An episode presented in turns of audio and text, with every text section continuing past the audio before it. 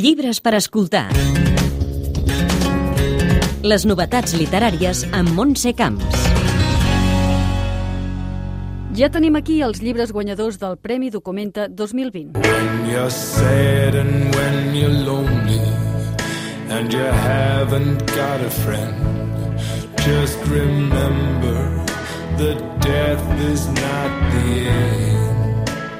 En aquesta edició es va decidir premiar ex aequo dues joves autores. Una és Irene Pujades, que amb els desperfectes tracta temes com la mort, la fe, la superstició o els finals, el final de l'amor, de l'amistat o de la vida.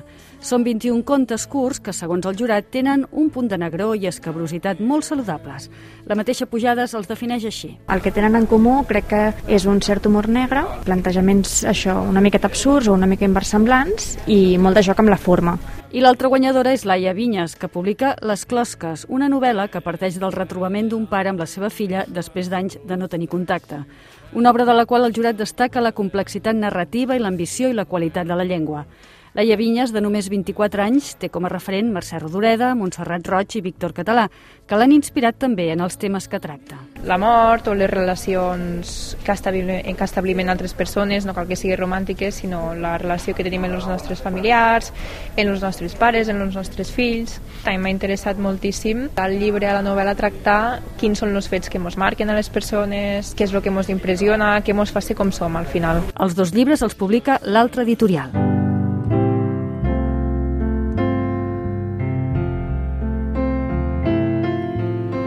L'autora bigatana Laila Carruig, d'origen amazic, és autora de Danadora Vic i Petjades de Nador, del 2009 i el 2013, on explicava la seva experiència personal de manera propera, la d'una noia que viu entre dos mons allunyats.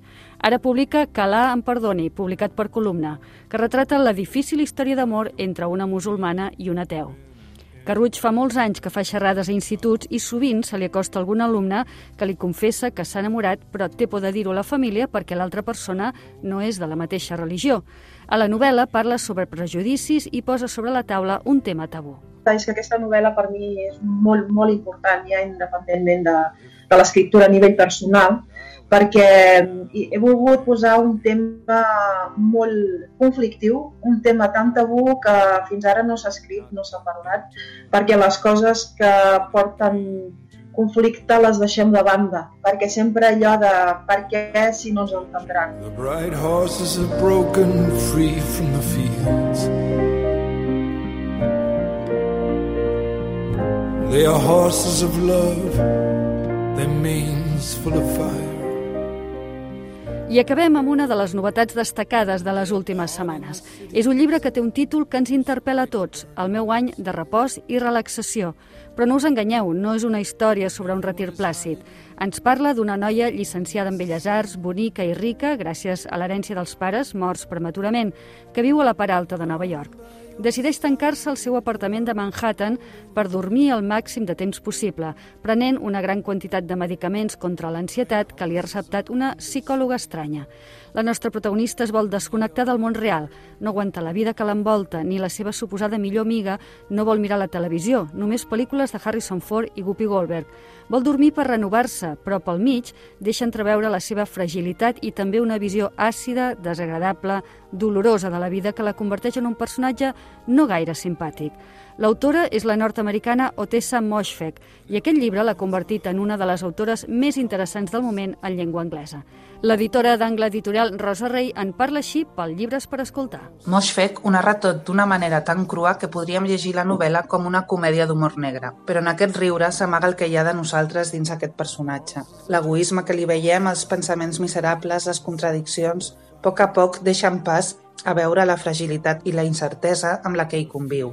Ella segurament està trencada i reconeixem una part nostra que també ho està, com la nostra societat. On the 530 train.